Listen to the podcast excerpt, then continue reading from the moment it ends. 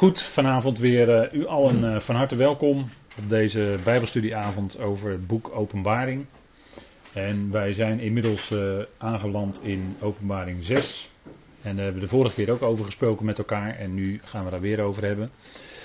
het verbreken van het zesde zegel en wat daar dan onder te zien is. En we hebben daar de vorige keer, een aantal weken geleden, met elkaar over gesproken en we willen dat vanavond uh, voortzetten, omdat nog niet alles daarover gezegd was. Er zaten nog een paar belangrijke punten in die ik graag nog uh, met u wilde bespreken. En uh, u moet dat zien in een, in een verband natuurlijk, daar zal ik dadelijk nog wel even iets over zeggen. Maar wij willen eerst met elkaar beginnen met gebed. Vader, we danken u dat we ook vanavond weer bij elkaar zijn. Dank u wel dat we dat doen rond dat profetische woord. Dank u wel dat u ons daardoor licht verschaft over de toekomst. Dank u wel dat uw woord altijd geladen is, Vader, en dat het inhoud heeft die niet alleen te maken heeft met de tijd dat de profeet sprak, maar ook daarna en ook richting de toekomst. En dat geldt ook zeker, vader, voor dit boek Openbaring, dat zo aansluit bij verder profetieën uit Tenach. Dank u wel dat we daar de lijnen van mogen trekken en dat u daar inzicht voor heeft gegeven aan broeders al soms meer dan 100 jaar terug. En dan is het bijzonder hoe helder er geschreven werd vanuit dat profetische woord van u. En vader, als we het daarbij houden, dan is het ook duidelijk. Dan is uw woord inderdaad een lamp voor onze voet en een licht op ons pad. En dank wel dat we in deze tijd van genade nog leven, vader. Waarin u de gemeente roept. Maar die tijd die is bezig af te lopen. En vader, daarna zullen de dingen van openbaring een beslag gaan krijgen in deze wereld. Ernstige dingen. Die het nieuwe, de nieuwe tijd van het koninkrijk gaan inluiden. Maar daarvoor moet eerst een crisis doorgemaakt worden. Vader, dank wel dat we ons mogen verdiepen ook in de details daarvan, omdat u het heeft onthuld in uw woord. En dank u wel dat we daarin zien dat u die grote God bent, die alles in handen heeft en die niet loslaat wat zijn hand begon. En die door zijn geliefde zoon, onze Heer Christus Jezus, zijn plannen uitvoert. Vader, dank u wel dat we dat ook vanavond mogen zien. En dank u wel dat u ons daardoor wilt, daarin wilt leiden door uw Heilige Geest. Geef ons het verstaan met ons hart, door uw geest. Vader, dat het uiteindelijk alles mag zijn tot lof en eer en verheerlijking van uw naam. Bedank u daarvoor in de machtige naam van uw geliefde zoon. Amen. Goed, ik stel voor dat wij uh, met elkaar gaan uh, lezen dat stukje van het zesde zegel. En met het noemen van het zesde, uh, dan begrijpt u dat er al vijf zegels verbroken zijn. Dat hebben we uit elkaar, met elkaar besproken in de vorige avonden. En dan is het altijd goed als u daar het verband van wil weten om gewoon de studies, eigenlijk vanaf studie 1 te beluisteren. En gewoon rustig voor uzelf ermee bezig te zijn, te bestuderen. En dan komt u vanzelf in het verband. En we lezen dan vanavond opnieuw over dat zesde zegel. En er staat in Openbaring 6, vers 12. En ik lees u voor uit de herziene statenvertaling. En ik zag toen het, het zesde zegel geopend had. En zie, er kwam een grote aardbeving. En de zon werd zwart als een haren zak. En de maan werd als bloed. En de sterren van de hemel vielen op de aarde. Zoals een vijgenboom zijn onrijpe vijgen afwerpt. Als er door een harde wind wordt geschud. En de hemel week terug als een boekrol die wordt opgerold. En alle bergen en alle eilanden werden van hun plaats gerukt. En de koningen van de aarde, de groten, de rijken, de oversten over duizend, de machtigen en alle slaven en vrijen, verborgen zich in de grotten en tussen de rotsen in de bergen. En ze zeiden tegen de bergen en de rotsen: Val op ons en verberg ons voor het aangezicht van hem die op de troon zit en voor de toren van het lam. Want de grote dag van zijn toren is gekomen, aangebroken en wie kan staande blijven? Tot zover. Openbaring 6. En we hebben de vorige keer een aantal aspecten daarvan met elkaar besproken. Maar er waren nog, eh, na afloop eh, bleek dat er nog een aantal aspecten niet besproken waren. En die willen we dan vanavond graag met elkaar zien. We hebben de, natuurlijk stilgestaan bij de eerste vier zegels. En de eerste vier zegels daarvan hebben we gezien dat dat zo'n beetje de tijd is tot aan de helft van de jaarweek. Waar, waar dan op de helft van de, de laatste jaarweek van Daniel. Op de helft waarvan dan de grote verdrukking aanbreekt. En in die grote verdrukking worden er velen gedood, veel martelaren. En dat zijn die zielen onder het altaar. Dat hebben we ook met elkaar gezien. En die vroegen, en het bloed eigenlijk moet ik zeggen, het bloed van die martelaren, dat roept naar God om vergelding. En die vergelding, dat antwoord op die vraag van het roepen van het bloed onder het vijfde zegel, dat antwoord komt onder het zesde zegel. En we hebben net gelezen met elkaar het stukje tot en met vers 17. En in vers 17 wordt eigenlijk ook weer een vraag gesteld. En we zullen zien dat het antwoord op die vraag ook in het boek Openbaring zelf komt. Dus dan heeft u even heel kort het verband. En het antwoord op de roepen van het bloed van die martelaren die gedood zijn in de grote verdrukking. En dat zal gebeuren door veelal, ja, het is vervelend misschien om te zeggen, maar dat gebeurt veelal door onthoofding. Dat staat ook zo in openbaring zelf, dus dat kan ik zo zeggen. En die, al die martelaren, die, waarvan het bloed is gevloeid, dat bloed roept van de aardbodem, net als destijds het bloed van Abel riep van de aardbodem tot God. En daarop moet dan vergelding komen. En die vergelding die komt bij het verbreken van het zesde zegel. Hè. Elke keer wordt er een zegel verbroken, wordt geopend. Dan gaat er dus iets open en dan gaat er ook iets gebeuren. Hè. Dan gaat het profetisch woord gaat dan vervuld worden. En het, hè, ik heb gelezen toen het het zesde zegel openen, want zo staat het in de grondtekst, maar dat is natuurlijk het lammetje. Het lammetje bleek als enige in openbaring 5 bleek als enige te kunnen zijn die in staat mocht zijn, kon zijn, in het hele heelal, in heel Gods schepping, die die zegels van die boekrol kon verbreken. Er was verder niemand waardig dan alleen dat lammetje. En dat lammetje is natuurlijk een beeldspraak voor onze Heer Jezus Christus en wijst natuurlijk op zijn zwakheid toen hij hier op aarde was als mens en toen hij als een schaap dat stom is voor zijn scheerders ter slachting werd geleid. Nou, die beeldspraak vinden we dan terug ook in dat begrip lammetje. Hè. Er staat dan in het Grieks een verkleinende vorm, arnion, en dat betekent dat het een, eh, dat ion betekent dat het een verkleiningsvorm is, en dus spreken we eigenlijk van lammetje. Dat zegt eigenlijk de grondtekst. En die verbreekt dat zesde zegel, en onder dat zesde zegel komt dan eigenlijk aan de orde het gericht over de mensheid. zes, dat hebben we de vorige keer ook al even genoemd, is het getal van de mens. Adam werd geschapen op de zesde dag. En ik heb de vorige keer ook heel even snel genoemd 666, hè, als het getal van de mens. Zo wordt het in openbaring 13 ook genoemd. Het getal van de mens. Hè. En die wijsheid en die verstand heeft, die berekenen dat. Maar dat is in ieder geval het getal van de mens. Hè, 6. Dan, ben je één, dan kom je één tekort aan de 7. En de volkomenheid bij God in deze schepping is altijd de zeven. Maar de mens komt dus tekort. En vandaar dat er ook vergelding moet komen over de volkeren. Want de volkeren hebben verdrukking gebracht. En hebben in feite de verontwaardiging van God gebracht over Israël. En als reactie daarop zou je kunnen zeggen: komt nu de verontwaardiging van het Lam, van God, over die volkeren. En dat, het begin daarvan, de prelude daarvan, dat zien we onder het zesde zegel. Openbaring 6 en 7. Hier nog even op deze dia, op deze tweede dia van vanavond in vogelvlucht. En openbaring. U ziet dan hier eerste tot en met het zesde zegel. En gerichten op hem en zijn navolgers. Nou, die hem is dan de wetteloze eigenlijk. Of de antichrist.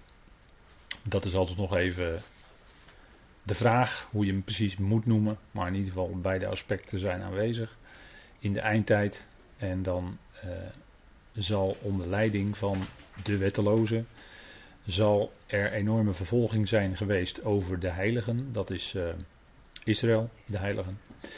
En uh, gericht op hem en zijn navolgers, dus degene die het beest navolgen, uh, dat zien wij onder het zesde zegel. En dat is ook uh, het komen, hè, daarin zien we ook de gerichten van het komen van de dag des Heren, hè, de dag van JW, de dag van Yahweh. Die komt met gerichten. Openbaring zegt ook, hij komt als een verwoesting van de Almachtige. En natuurlijk de hoofdstad van dat antichristelijke wereldrijk, wat er dan ook zal zijn, dat is natuurlijk Babel, hè? Babylon. Babel betekent desintegratie. Desintegratie. En Babel, dat is het, dat is het principe van de. Ja, dat is de hoofdstad. De hoofdstad van het toekomstige antichristelijke rijk natuurlijk. Hè. Babel, Babylon, Babel is dan een stad. Net zoals in het verleden Babel de hoofdstad was van het wereldrijk. Zo zal het ook in de toekomst zo zijn. Dat zegt de openbaring. Hè. En dan uh, zien we in openbaring 7 eigenlijk het antwoord op die vraag van hoofdstuk 6 vers 17. Wie kunnen dan staan? Hè? Wie kunnen staan? Nou, dat uh, antwoord komt nog. Maar we gaan verder, openbaring 6 vers 14. En er staat de hemel week terug als een boekrol, die wordt opgerold. En alle bergen en alle eilanden werden van hun plaats gerukt. Dat is wat gaat gebeuren onder dat uh, zesde zegel. Daar, wat daar dan te zien is, is onder meer dit: dat de hemel terug zal wijken als een boekrol. En alle bergen en alle eilanden worden van hun plaats gerukt. En dat vinden wij, die uitspraak vinden wij ook terug in Jesaja 34. Vers 1 tot en met 4, daar hebben we de vorige keer ook mee bezig geweest. En daar roept Jezaja ook die heidevolkeren erbij. Hè. Hier zien we dat plaatje van die shofar die geblazen wordt. Nou, of dat uh, de bazuinen in openbaring, of dat een zilveren trompet is of een shofar, daar wil ik af zijn. Dat weet ik niet. Maar in ieder geval, die bazuinen zullen hierna geblazen worden. Hè. Onder het zevende zegel, dan zullen er, als dat geopend wordt, gaan er zeven bazuinen geblazen worden. En daarna zullen nog zeven schalen uitgegoten worden met steeds intensere gerichten. Dat heeft ook allemaal een reden natuurlijk. Maar Isaiah 34 wordt dit ook al vermeld. Hè? Wat in openbaring 6 staat. Dat is eigenlijk een citaat uit Jesaja 34. Vers uh, eh, 4 als ik het goed zeg. Maar daar zullen wij nog opkomen verder.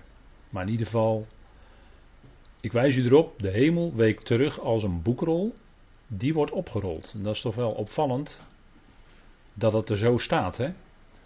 En als men dat dan ziet, en wat er dan te zien is, op grond daarvan komt dan dus die uitspraak dat al die groten en die machtigen enzovoort, dat die ineens beseffen, nu is die verontwaardiging of die toren van God gekomen. En van het lam.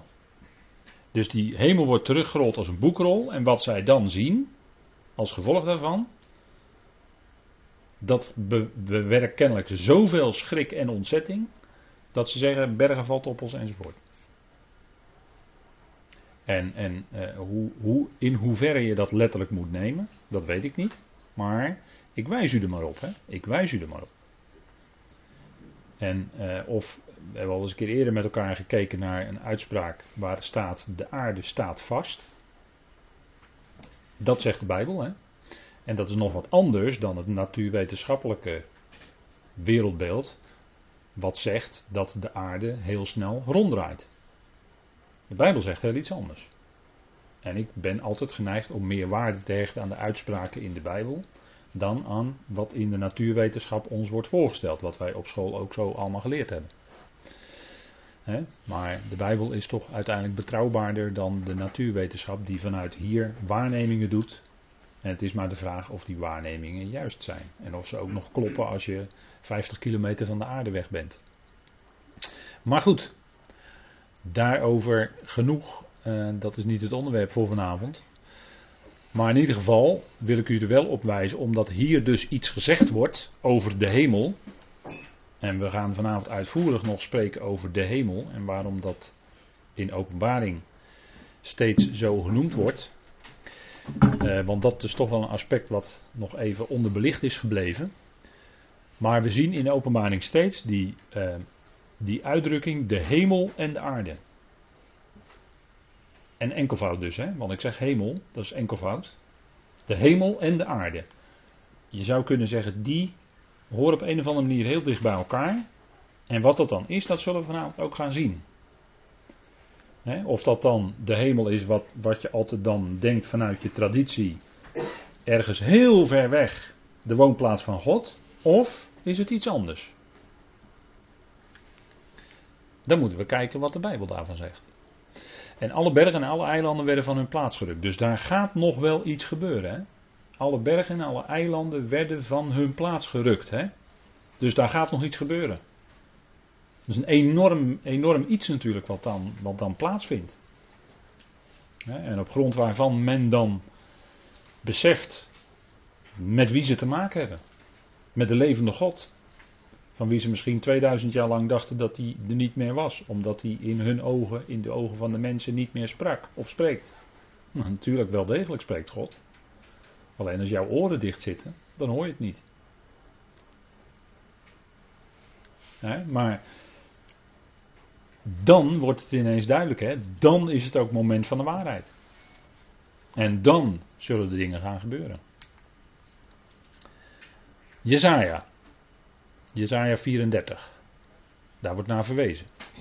En wat vinden wij in Jezaja 34? Daar wil ik toch nog even op wijzen. Dat is hetzelfde hoofdstuk, hè, wat we al gelezen hebben, wat verband heeft met dit gedeelte van openbaring. En daar wordt gesproken over een gericht. En misschien is dat heel even goed om met elkaar op te zoeken. Jezaja 34. En dan wil ik toch even nog wat langer stilstaan bij dat 11e vers. Jezaja 34. En het is toch vaak opvallend hoe vaak het Bijbelboek Jezaja wordt aangehaald in de Griekse schriften.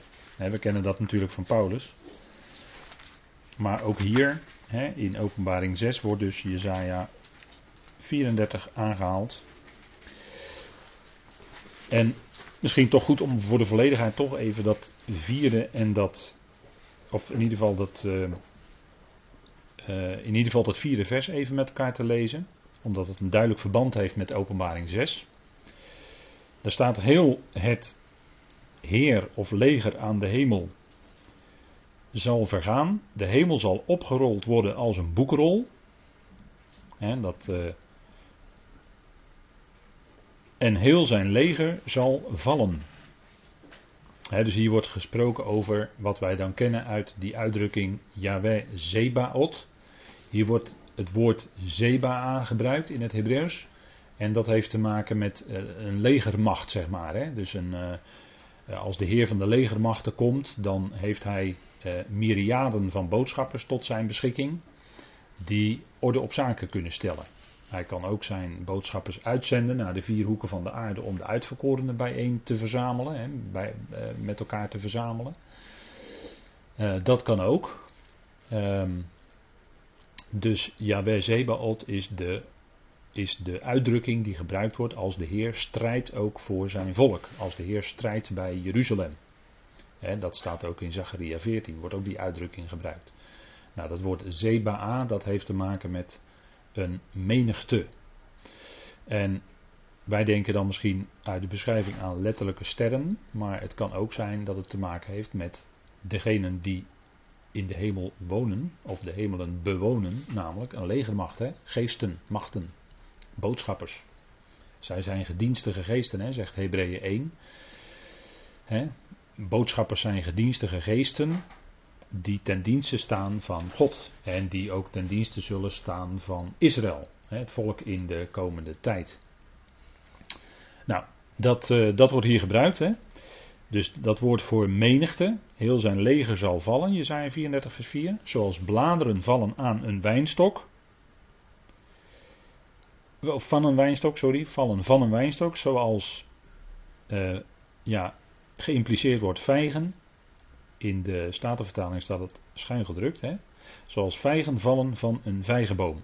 Zoals de vruchten vallen van een vijgenboom. Of zoals het valt van een vijgenboom. En precies die uitdrukking die wordt ook in openbaring 6 gebruikt. Daar zullen we nog op terugkomen, die vijgenboom. En dan lezen wij dus, als je Jezaja 34 dan in het vervolg leest, dan zie je dat eerst het gericht komt op Edom, hè, als het gaat om de aarde. Want mijn zwaard is dronken geworden in de hemel. Zie het zal neerdalen op Edom.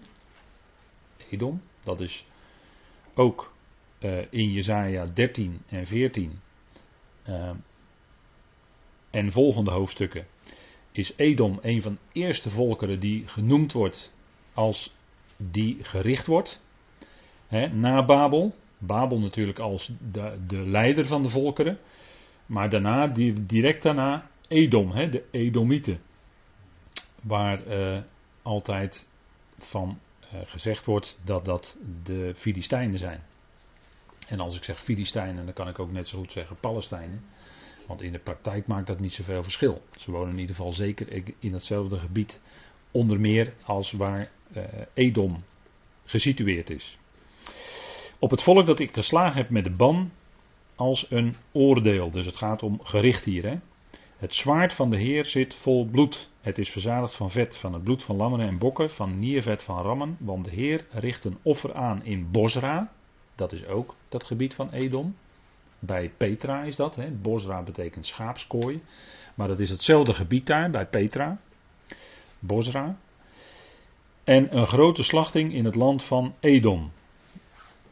Met hen zullen de wilde ossen neervallen en de jonge stieren met de sterke stieren. Hun land zal doordrenkt zijn met bloed en hun stoffige grond verzadigd van vet.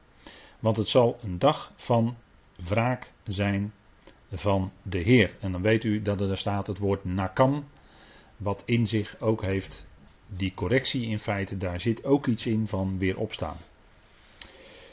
En het jaar van afrekening om de rechtszaak van Sion. Want Edomieten hebben het volk verdrukt, hebben het volk gediscrimineerd, hebben Israël gediscrimineerd, verdrukt. En op grond daarvan zal afrekening gehouden worden, de rechtszaak van Sion. Dan zal de Heer het gericht geven over Edom. En daar staat ook een profetie van in het boek Obadja. Dan zal er vuur uitgaan, staat er vanuit het huis van Jozef. De laatste verse van Obadja. Er gaat er vuur uit uit het huis van Jozef. En dat is een gericht. Hè. Vuur is vaak ook een beeld van gericht in de schrift. En van loutering natuurlijk. Een louterend gericht. Maar dat komt dan op Edom. De laatste verse van de profeet Obadja. Moet u maar eens nalezen. He, gericht over Edom. Want het zal, zijn beken zullen veranderd worden in pek, vers 9. En zijn stof in zwavel. Ja, zijn land zal worden tot brandend pek. S'nachts en ook overdag zal het niet geblust worden. Voor de Aion, voor de Olam, zal zijn rook opstijgen. Van generatie op generatie zal het verwoest blijven. Tot in alle eeuwigheden. De komende tijdperken zal er niemand doorheen trekken. de komende tijd. Kou en nachtuil zullen het in bezit nemen. Ransuil en raaf zullen daar wonen. Hij zal er het meetlint van de woestheid over uitspannen. En het paslood van de leegte. En die uitdrukking woestheid en leegte, dat is tohu en bohu, die woorden, en die komen wij ook tegen in Genesis 1, vers 2. En wij zien dat hier dit, eh, deze woorden hier gebruikt worden als het resultaat van een gericht wat is geweest over Edom. Hier worden deze woorden gesproken over het land van Edom als het gericht van God daar geweest is. En die woorden meetlint en paslood, die spreken in de schrift regelmatig over gericht wat God uitvoert. Dan legt hij het meetlint aan, het paslood, hij gaat meten, hè, als het ware, dat is dan het beeld. En in dat meten blijkt men tekort te komen. En daarop komt dan het gericht van God. En dan komt er als resultaat van het gericht woestheid en leegte. Dus als u deze schrift plaatst, en er zijn nog enkele plaatsen meer, waar of het woord tohu of het woord bohu gebruikt wordt, maar dat is ook dan in verband met een gericht en als resultaat van een gericht heb je dan deze situatie. Woestheid en leegte. Dus als je dat dan naast elkaar legt, en je legt daar ook Genesis 1 vers 2 erbij, dan zie je dus dat de beschrijving in Genesis 1 vers 2 is er een van een situatie na een gericht. Dus kennelijk is er iets tussen Genesis 1 vers 1 en 1 vers 2 gebeurd. En is er gericht gekomen van God. En heeft dit als resultaat dat er woestheid, leegte is en duisternis. En dat woord duisternis staat er dan natuurlijk ook in Genesis 1 bij. En dat versterkt het alleen nog maar. Dus we zien uit hier dat ook Genesis 1 vers 2 een situatie beschrijft van het resultaat van een gericht. Want zo worden die woorden tohu en bohu in de schrift gebruikt. Meetlint en paslood, gaat u dat ook maar na. Als u dat opzoekt met een concordantie, dan zult u tegenkomen dat het regelmatig spreekt over het gericht uitvoeren. Meetsnoer, meetlint en paslood. De aarde werd dus, Genesis 1 vers 2, woest en leeg. De aarde werd en dat is, in het, dat is goed verantwoord te vertalen vanuit het Hebreeuws. Zo zien wij dus dat die situatie daar in Jesaja 34 spreekt over het gericht wat is geweest over Edom als een van de eerste volkeren die aan de beurt zou komen met het gericht. En we zien in Jesaja dan, en ook in Ezekiel is dat terug te vinden, is een hele volgorde van volkeren die onder het gericht komen. Dat werkt God in volgorde af. Goed, we gaan even terug naar de sterren van de hemel die op de aarde vielen. En ik wees u er net al even op dat in openbaring er regelmatig gesproken wordt, en ook in aanverwante profetische gedeeltes in het Nieuwe Testament, gesproken wordt over de hemel en de aarde. En in openbaring is het opvallend dat het woord hemel in het enkelvoud wordt gebruikt. Vrijwel altijd, er is één uitzondering. Maar dat woord hemel, dat wordt in het enkelvoud gebruikt. En ik zei u al daarnet, als mensen het woord hemel in de Bijbel lezen, en je zou een mens vragen van joh, wat denk jij nou wat de hemel is? Dan zal die heel vaak zeggen, op grond van traditie, dat is de woonplaats van God. Maar daar valt wel wat op af te dingen als je openbaring leest. Want als je openbaring leest en dan hemel en aarde, dan blijkt eigenlijk dat als hemel in het enkelvoud gebruikt wordt, blijkt het te gaan om die luchtlaag die direct op het aardoppervlak zit. dat is dus de eerste luchtlaag op het aardoppervlak. Waarvan wij misschien zeggen dat is de atmosfeer of de lucht. En het gekke is dat in het Nieuwe Testament, als je het langs loopt, dat men het regelmatig heeft vertaald met lucht. Nou, bijvoorbeeld de uitdrukking vogels van de hemel is in de, deze vertaling die ik hier heb regelmatig vertaald met vogels in de lucht. Merkwaardig genoeg, terwijl er gewoon hemel staat. Ik denk van wat is er nu voor bezwaar tegen om dan hemel te vertalen? Als er gewoon dat Griekse woord voor staat. Hè? Nou, de vogels van de hemel, dat is een bekende uitdrukking. En de heer Jezus die gebruikt dat ook, hè? dat eh, als hij tegen eh, de mensen zegt van, eh, joh, je hoeft je geen zorgen te maken, maar let maar op de vogels van de hemel. Hè? Ze zaaien niet, ze maaien niet enzovoort. En toch, de hemelse vader die, die voedt ze, die houdt ze in leven. Die zorgt dat ze kunnen leven. En dat is een goede les voor ons, hè? want wij willen ons nog wel eens zorgen maken hè? over ons bestaan, over ons leven. En soms is het, is, het, is, is het bestaan ook een strijd. Maar de Heer zegt eigenlijk, eh, joh, maak je nou geen zorgen.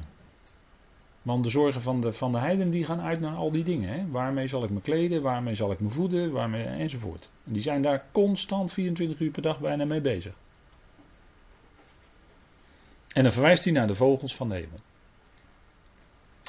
En op een andere manier verwijst hij daar ook naar. En misschien is daar, ja, ik zal een enkele tekst met u lezen, niet al die teksten, die moet u zelf maar langslopen, die op deze dia staan. Maar uh, bijvoorbeeld in Marcus 4, Marcus 4, vers 32, daar komen die uitdrukking tegen. En dat is in een uh, boeiend gedeelte. En dan gaat het om de gelijkenissen van het koninkrijk der hemelen. Maar het moet zich door die naamval niet laten misleiden, want er staat gewoon koninkrijk van de hemel, hè, enkelvoud. Maar der hemelen is een genitief, een oude vorm die we in het uh, gewone schrijf- en spreektaal eigenlijk niet meer gebruiken. Maar uh, koninkrijk der hemelen is gewoon van de hemel, enkelvoud. En er staat ook hemel, uh, dat woord hemel staat ook in het enkelvoud dan. En we zien hier in die gelijkenissen van het koninkrijk. En in Matthäus heet het dan het koninkrijk der hemelen. Koninkrijk van de hemel, namelijk het koninkrijk dat uit de hemel op de aarde komt. Want het wijst, een genitief wijst altijd op de oorsprong van iets. Waar iets vandaan komt. Of waar iets geboren wordt. dat, is, dat is de essentie van de genitief. Moet u nooit vergeten hoor. Dat is de essentie van de genitief.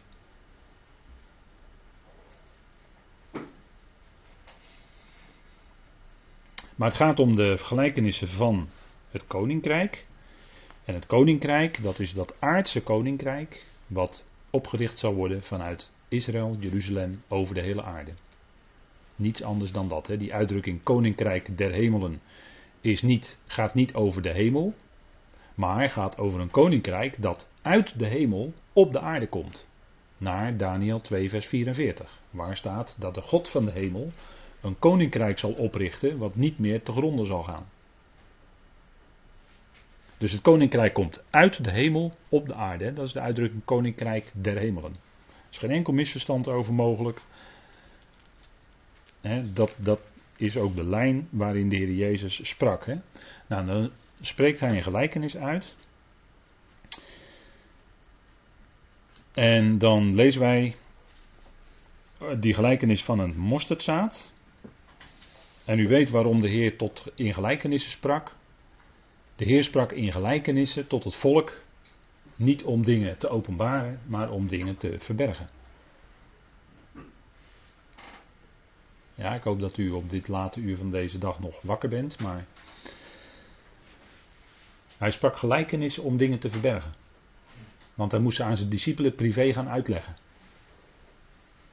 Ja? En dat zegt hij ook, hè, dat hij dat doet om te verbergen. Om het hart van het volk vet te maken, zodat ze niet konden verstaan. En ze hoorden wel, maar ze konden het niet. Ze begrepen het niet. Dat, hij haalt Jezaja 6 aan in Matthäus 13, vers 10. Dus hij sprak gelijkenissen om dingen te verbergen. Niet om ze te openbaren. En ik weet wel dat in de traditie heel anders geleerd wordt. Als u het boek De gelijkenissen van de heiland van Spurgeon erop naleest. Die zal u een heel ander verhaal vertellen. Met alle goede bedoelingen die Spurgeon had, daar twijfel ik niet aan. Maar de Heer sprak ze om dingen te verbergen. En aan zijn discipelen privé legde hij uit wat ze betekenen. Want die kwamen naar hem toe en wat bedoelt u nou? En dan ging hij de gelijkenis van de zaaier uitleggen. Begrijpt u? En dan wordt het duidelijk. Als hij dan spreekt over een akker, dan zegt hij ja, die akker is de wereld. Moet hij uitleggen. Moet hij uitleggen, hè? dat zaad, wat gestrooid wordt door de zaaier, de zaaier is de zoon des mensen. Dat zaad is het evangelie van het koninkrijk. He, stuk voor stuk worden al die beelden worden uitgelegd. Wat het betekent in feite. Nou, dan zegt hij. Waarmee zullen wij het koninkrijk van God vergelijken? Marcus 4, vers 30. Of door welke gelijkenis. Hebben we het woord, hè? Parabole staat er dan. Dat we zeggen dat wat er langs bij geworpen wordt. Dus er wordt iets naast geworpen. Naast wat het werkelijk betekent. Parabole komt van het Griekse woord paraballo. Dat betekent er langs of ernaast werpen. Dat is eigenlijk het woord voor gelijkenis. Parabole. Dus het is een vergelijking. Of door welke gelijkenis zullen wij het voorstellen? Door een mosterdzaad dat, als het in de aarde gezaaid wordt, het kleinste is van alle zaden die er op de aarde zijn. En wanneer het gezaaid is, komt het op en wordt het grootste van alle tuingewassen. En maakt grote takken, zodat de vogels van de hemel, staat er dan. Niet in de lucht, zoals hier in mijn statenvertaling staat. Maar er staat van de hemel. In zijn schaduw kunnen nestelen. En door veel van zulke gelijkenissen sprak hij het woord tot hen, voor zover zij het konden horen. En zonder gelijkenis sprak hij tot hen niet, maar hij verklaarde alles aan zijn discipelen als zij alleen waren. Ziet u? Dus hij verborg daarmee dingen. En privé aan zijn discipelen ging hij het uitleggen. En een mosterdzaad is een beeld van, kijk, zaad heeft natuurlijk te maken met het woord. Hè? En een mosterdzaadje, dat heeft te maken met geloof. Want ergens anders staat, ik weet het niet uit mijn hoofd, maar ergens anders staat dat al was je geloof maar als een mosterdzaadje, zo klein, want dat is het kleinste van alle zaden, dan nog zou je bergen kunnen verzetten. Ook zo'n cryptische uitspraak, hè? wat zou de Heer nou daarmee bedoelen? Maar geloof, dat is dat mosterdzaadje, maar dat wordt enorm groot. En dat gebeurt normaal gesproken in de natuur niet hoor. Want een mosterdplantje is eigenlijk, wordt niet zo groot. Maar hier wordt het heel groot, maakt grote takken. En dan gaan uiteindelijk gaan de vogels van de hemel in zijn schaduw nestelen. Dus dat wordt zo groot, exorbitant, buiten proporties, zodat zelfs de vogels van de hemel. En vogels van de hemel. Waar kennen we die van? Die kennen we toch uit een andere gelijkenis. Uit de gelijkenis van de zaaien. En wat is daar dan een beeld van? Vogelen van de hemel. Wat is, daar, wat is dat beeld? Dat zijn de boodschappers hè, van de boze. Dat zijn die geestelijke machten van de boze. En die komen dan pikken, die, die, gaan dat, die, die nemen dat geloof, hè, die willen dat geloof aantasten of het liefst wegnemen. Die pikken die zaadjes weg of die willen dat woord wegnemen, wat gezaaid is. Dat is altijd het werk van geestelijke machten. En dan zal ik vanavond maar dus niet zeggen dat er rondom het woord altijd strijd is. Maar u weet dat inmiddels wel, hè? Maar dat is altijd die geestelijke machten van de tegenwerker. Die willen altijd dat woord, woord dwarsbomen. Die willen dat woord wegnemen. En bij die van de boze, die vogelen des hemels, dat zijn geestelijke machten. En dat is niet alleen in Matthäus 13, in die andere gelijkenis zo. Maar dat is ook zo in Daniel 4. Daniel 4. Daar groeit er ook een hele grote boom waar Nebukadnezar over droomt, weet u wel.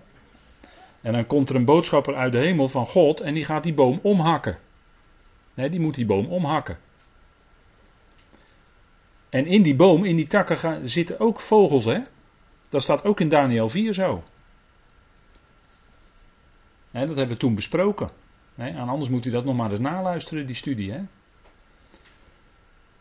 En dan blijkt dus dat die boom eigenlijk Nebukadnezar zelf is, oftewel zijn wereldrijk, Babel. En toen is ook naar voren gekomen dat als Babel eenmaal gericht gaat worden, in hetzelfde boek, Bijbelboek Openbaring waar we mee bezig zijn, in Openbaring 17, 18 en 19, dan zien we dat daar allerlei onrein gevogelte is in Babel. En dat wordt dan uitgelegd in de tekst zelf als dat dat demonen en onreine geesten zijn. Die vogels. Dus dan heeft u even een lijn uit de schrift. Hè? Dus die boom hier heeft te maken met het principe van Babel: van het begint misschien goed, maar het gaat steeds meer verwateren, met andere woorden desintegreren, en het wordt steeds groter. En het lijkt ook misschien wel heel wat. En dat zal ook zo zijn in de wereldreligie van de eindtijd. Dat zal heel groot zijn, maar wat nestelt daarin? De vogelen van de hemel. Zo zal het zijn in de eindtijd. En daar zitten we heel dicht op hoor. Veel dichter misschien dan u vermoedt, maar ik denk dat u dat wel weet. Nou, vogels van de hemel is dus een beeld van geestelijke machten. Der duisternis. Die niets, anders, die niets liever willen dan het woord uit uw hart wegnemen of vertroebelen. In ieder geval dwars zitten. Het voert nu te ver om, om verder op die gelijkenissen in te gaan, maar daar zit heel veel in hoor, wat, wat behartenswaardig is.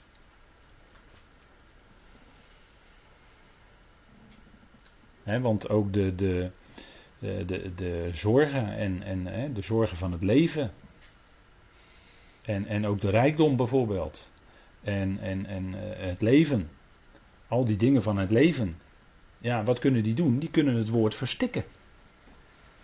Als die dingen van het leven, de zorgen van het leven, of de rijkdom, of, de, uh, of alles wat, wat je in het leven kan genieten, als dat de overhand gaat krijgen, dan kan dat het woord verstikken. Dat wil zeggen dat het in de praktijk in je leven niet meer werkt. Dat kan. En dat, dat beeld gebruikt de Heer Jezus ook. En dat weet ik wel, dat is in verband met, het, met de evangelie van het koninkrijk. Maar het gaat om het woord. Dus dat is ook ons tot lering opgeschreven die dingen moeten we ter harte nemen.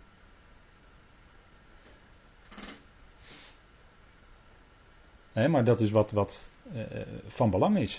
Nou, de vogels van de hemel, keren we even terug. Van de hemel, dus het gaat erom, kijk, die vogels die vliegen, u ziet het ook op dit plaatje hier, in de hemel. Dat zijn de vogels van de hemel. En dan zegt u, ja, maar ze vliegen in de lucht. Ja, maar de Bijbel noemt dat hemel.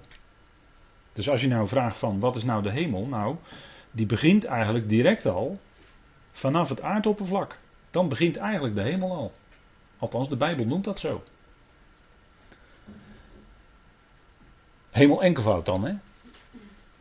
En die uitdrukking vogels van de hemel, nou, ik heb er een heel aantal teksten op deze dia gezet, dus voor uw huiswerk mag u zelf weten als u. Uh, de avonden worden langer, hè, dus de wintertijd is weer ingegaan, dus we hebben weer langere avonden. Kunt u wat langer nog uh, dingen nakijken, als u tijd heeft. En we zien dan dat het woord hemel wijst dus op de directe luchtlaag boven de aarde. We vinden ook andere soortige uitdrukkingen, namelijk dat de Heer Jezus tegen de mensen zegt: Jullie weten door de tekenen aan, of hè, door hoe de hemel eruit ziet, hè, als bijvoorbeeld avondrood is, wat is het dan? Morgenochtend eh, regen in de sloot of zo? Uh, hè, die, die uitdrukkingen kent u toch wel? Nou, dan zeggen we nou, de, de hemel ziet rood, hè, kleurt rood door de zonsondergang. Dan weet je, volgende dag gaat het waarschijnlijk regenen. Dat konden ze wel onderkennen, maar ze konden niet de tijd onderkennen waarin ze leefden. En dan denk ik, de Heer zei dat toen al 2000 jaar geleden tegen de mensen. En het is vandaag aan de dag precies hetzelfde. ook, ook christenen die zeggen van ja joh, dat kan nog wel honderden jaren duren joh, voordat Jezus terugkomt. En dan denk ik van nou, Jullie weten wel misschien aan de lucht te zien wat voor weer het wordt, maar jullie weten kennelijk niet in wat voor tijd we leven vandaag aan de dag. maar als je dat zegt van, ah, het kan nog wel honderden jaren duren, want, en dan is het argument, want het heeft al zo lang geduurd, dan zeg ik, nou mooi toch, het heeft al zo lang geduurd, dan zitten we er dus heel dichtbij. Als het al lang geduurd heeft. Toch? En als je om je heen kijkt en je kijkt iets verder dan alleen de oppervlakte, nou dan, uh, dan is het schrikken geblazen hoor. De bliksem is bijvoorbeeld onder de hemel, hè, zegt de Heer. Lucas 17, vers 24. De regen komt van de hemel, zegt Jacobus. De hagel komt ook van de hemel. Hè. Dan regelt het enorme hagelstenen hè, in openbaring 16. Is allemaal van de hemel. Dat komt niet uit de woonplaats van God, maar dat komt gewoon die, dus die luchtlaag boven de aardoppervlak. Ziet u? En de gekke is dat nou, dat woord hemel, dat komt even afgezien van de handschriften, komt 22 of 25 keer voor in openbaring. En maar één keer in het meervoud. En alle andere keren in het enkelvoud. En dat heeft, dat heeft dus te maken met het feit dat die, waar dus die gerichten van God merkbaar zullen zijn, is op de aarde. En het heeft dus direct ook te maken met die eerste luchtlaag. En dat is de hemel, enkelvoud. dus dat even voor uw begrip, hè, als u dan leest over hemel in openbaring, en het best wel vaak, dan uh, ziet u dat het eigenlijk waarschijnlijk gaat in de eerste plaats om die eerste luchtlaag rond bij de aarde, op de aarde. Want we lezen in Openbaring 6, het stukje waar we mee bezig zijn, dat de sterren van de hemel vielen op de aarde. en uh, in het natuurwetenschappelijke beeld, dan zegt men dat er sterren zijn die veel en veel en veel en veel en veel groter zijn dan onze zon bijvoorbeeld. En dat de aarde dus maar een heel klein knopje is. Althans, dat wordt ons gezegd, hè. Ik weet niet of dat zo is hoor. Want hier staat dat de sterren van de hemel op de aarde vielen.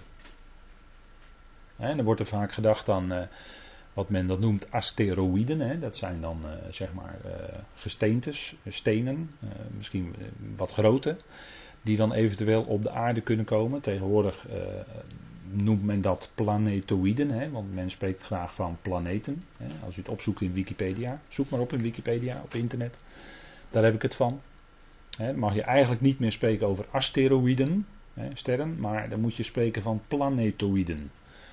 Dat zijn dan een soort meteoorachtige uh, ja, planeetachtige, want we, men spreekt graag over planeten. U kent wel het boek van Herlinci, de planeet die aarde heette. Maar het is maar de vraag of de aarde een planeet is.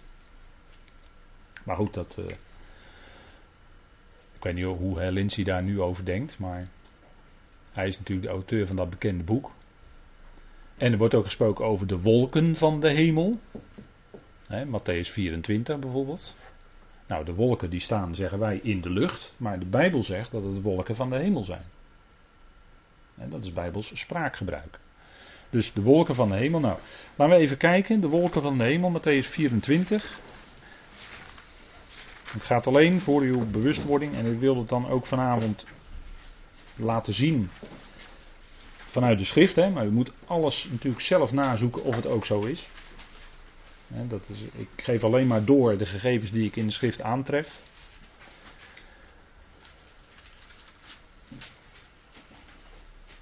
Matthäus 24. En dan zitten we dus na de verdrukking. Matthäus 24, vers 29. Even voor het korte verband. En meteen na de verdrukking van die dagen zal de zon verduisterd worden. En de maan zal zijn, zijn, zal zijn schijnsel niet geven. En de sterren van de hemel zullen, zullen vallen. En de krachten van de hemelen zullen heftig bewogen worden. En dan zal, en er staat er letterlijk in de hemel. En dat woord de is eigenlijk ook uh, niet letterlijk in de grondtekst. Dus letterlijk staat er en dan zal in hemel het teken van de zoon des mensen verschijnen. En dan zullen al de stammen van de aarde, maar ik zou zeggen van het land, hè. er staat hier ge en dat mag je met land en met aarde vertalen. Maar gezien het verband hier, zou ik zeggen stammen van het land, rouwbedrijven. En ze zullen de zoon des mensen zien als hij op de wolken van de hemel komt met grote kracht en heerlijkheid. Je wordt even gerefereerd aan Zacharia 12 dat de stammen zullen weeklagen. En dat is dan duidelijk, heeft dat betrekking op Israël. Vandaar dat ik zeg, waarschijnlijk zal het hier dan zijn stammen van het land. En dan zien we dus dat in de hemel, of in hemel, het teken van de zoon des mensen, als hij op de wolken van de hemel komt met grote kracht en heerlijkheid. dus dit is een moment wat wij dan zeggen, de aanwezigheid van de Heer, de aanwezigheid van de Zoon des Mensen, een parousia-moment. Het Griekse woord parousia betekent eigenlijk aanwezigheid. En hier is een parousia-moment van de Zoon des Mensen. En dat is hier als hij in grote kracht en heerlijkheid komt op de wolken van de hemel voor zijn volk Israël. Stammen van het land. Dus dit is een ander moment dan 1 Thessalonicense 4. In 1 Thessalonicense 4 wordt ook het woord parousia gebruikt, aanwezigheid. Maar daar gaat het om de wegrukking van de gemeente. Dus dat is een ander moment. Er wordt ook niet daar gesproken over grote kracht en heerlijkheid en al die begeleidende verschijnselen die hier in Matthäus wel staan. Dus dat is een hele andere context, 1 Thessalonicense 4, dan Matthäus 24. En die kun je niet zomaar even op elkaar stapelen en zeggen dat is hetzelfde moment. Want dan ben ik van mening dat je de tekstverbanden door elkaar haalt. Tekstverbanden die over verschillende gebeurtenissen gaan. dus 1 Thessalonicense 4 is het parousia moment van de Heer, de aanwezigheid van de Heer in de lucht. En dat heeft te maken met de gemeente, die dan wordt weggerukt. Maar we zien dus dat het is op de wolken van de hemel. De wolken van de hemel, enkelvoud. En het aardige is dat we ook gelezen hebben in vers 29 over de krachten van de hemelen. En daar is het meervoud. Dus dat is wel iets, dat zegt wel iets meer. Hè?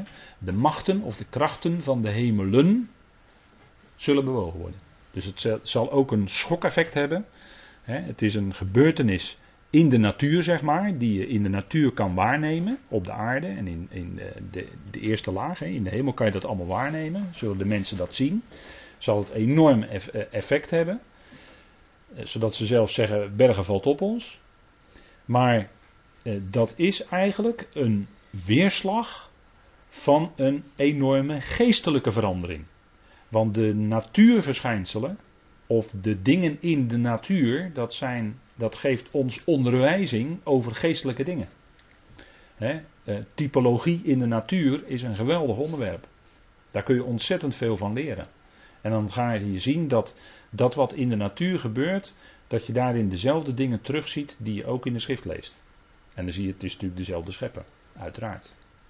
maar dit is ook, dit gebeuren waarbij eh, de bergen en de, en de, eilanden van hun plaats gerukt worden, dus enorme uh, schudding op de aarde, alles wordt door elkaar, dat is eigenlijk een uiting van een enorme geestelijke verandering, die dus in het geestelijke bereik plaatsvindt.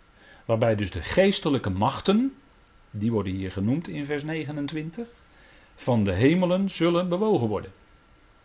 Want hij, de zoon des mensen, gaat komen, die gaat zijn voeten zetten op de aarde, die gaat de aarde verlossen.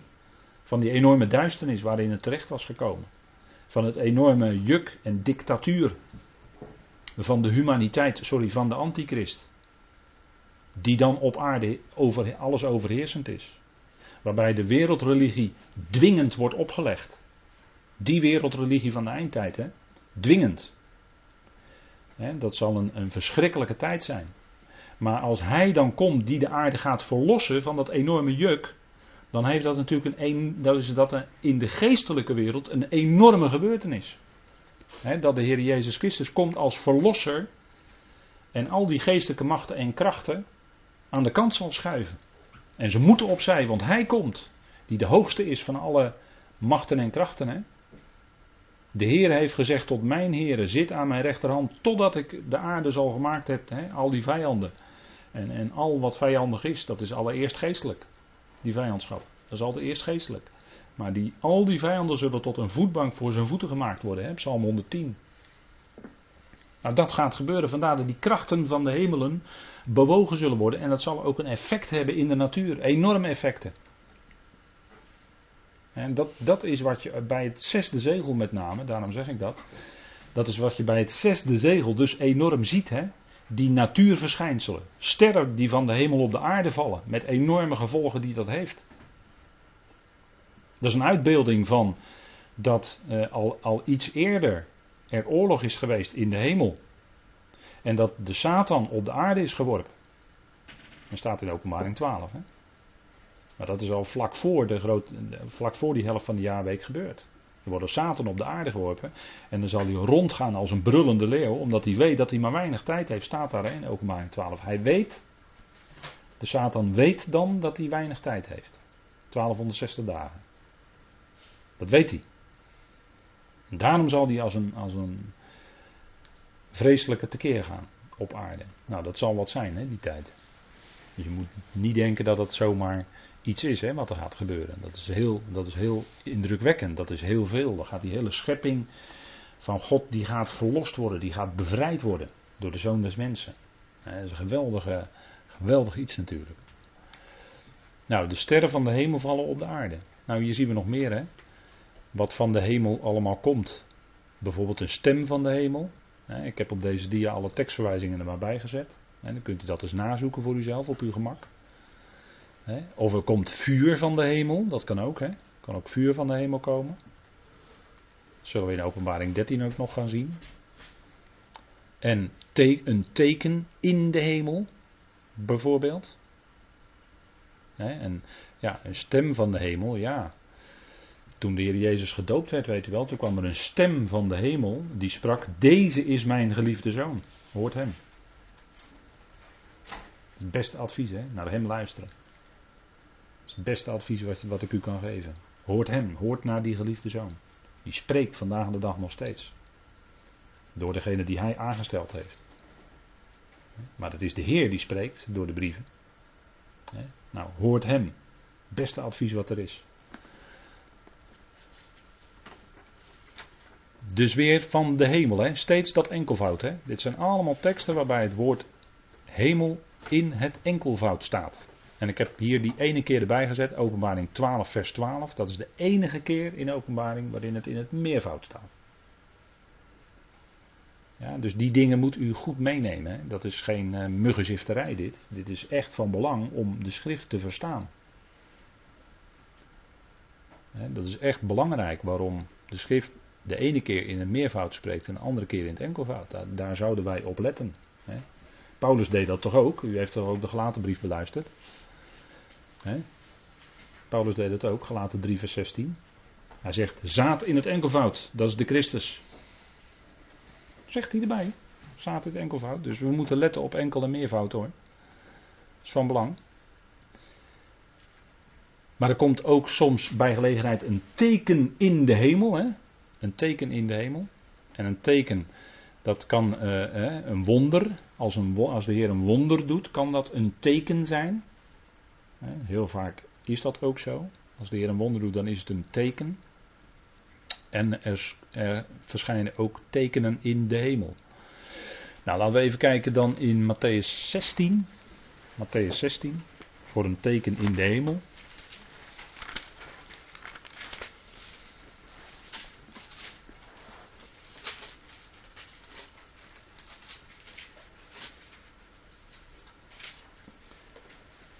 En dan ziet u hè, dat zelfs die schriftgeleerden bij hem komen.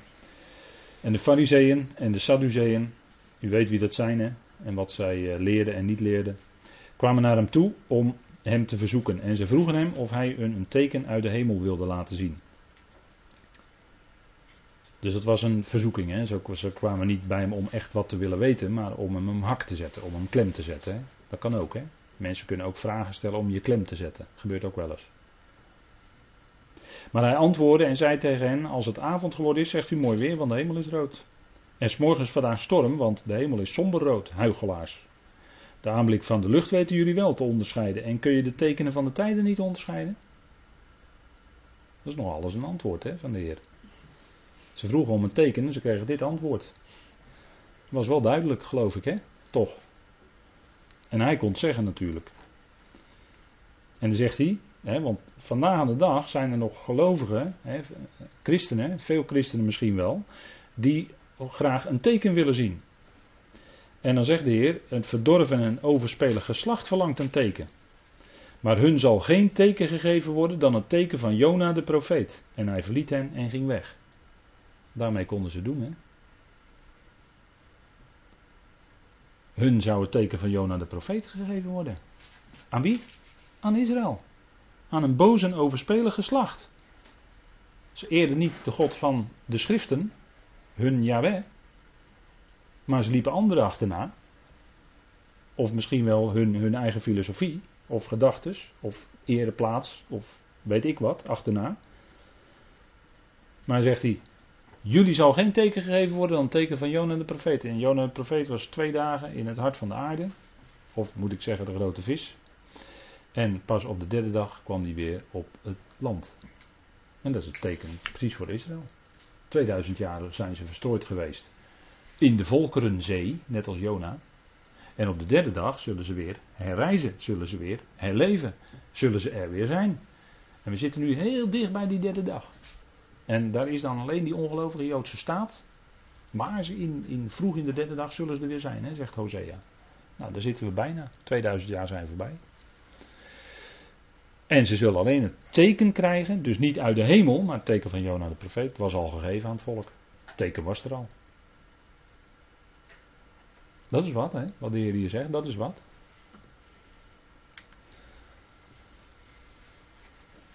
En dit is, dit is waar we natuurlijk nu nog veel dichterbij zitten. Hè? Kort geleden is er in België een bijeenkomst geweest om 30 jaar geest van Assisi te vieren. En in 1986 riep namelijk Paus Johannes Paulus II allerlei religieuze leiders bij elkaar in Assisi. En hij sprak met hen, hij bad met hen en het ging vooral om daar om de interreligieuze dialoog. prachtige uitdrukking. Om te komen natuurlijk tot eenheid. Het moet natuurlijk eenheid worden. Alle religies moeten natuurlijk één gemaakt worden. Nou, dit was in 1986, deze foto is uit 1986. De eerste keer dat de paus dus, let op dat hij in het wit gekleed is. Dat weet u hè dat hij al die religieuze leiders bij elkaar roept om samen met hen te bidden en om wederzijds begrip. En dat is om te komen natuurlijk tot één wereldreligie. Vergist u zich niet, want dat is het. En nu is dat herdacht op 27 oktober 2016, 30-jarige viering. En ze staan nog steeds, hè, er zijn al vruchten, er is al veel meer toenadering gekomen.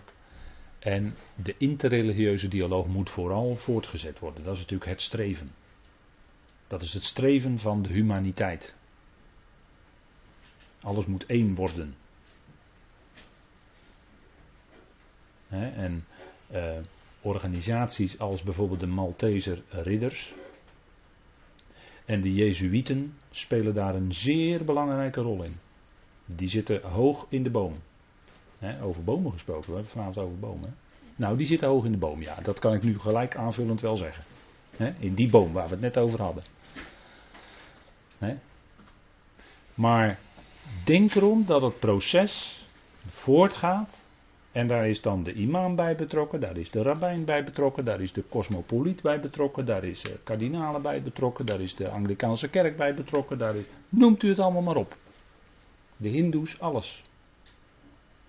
Gezamenlijk bidden om te komen tot wereldvrede natuurlijk. Dat is het streven. He, dan ziet u daar op dat doek ook staan, pax, vrede. Eirene staat er ook in het Grieks achter. Pace. Shalom.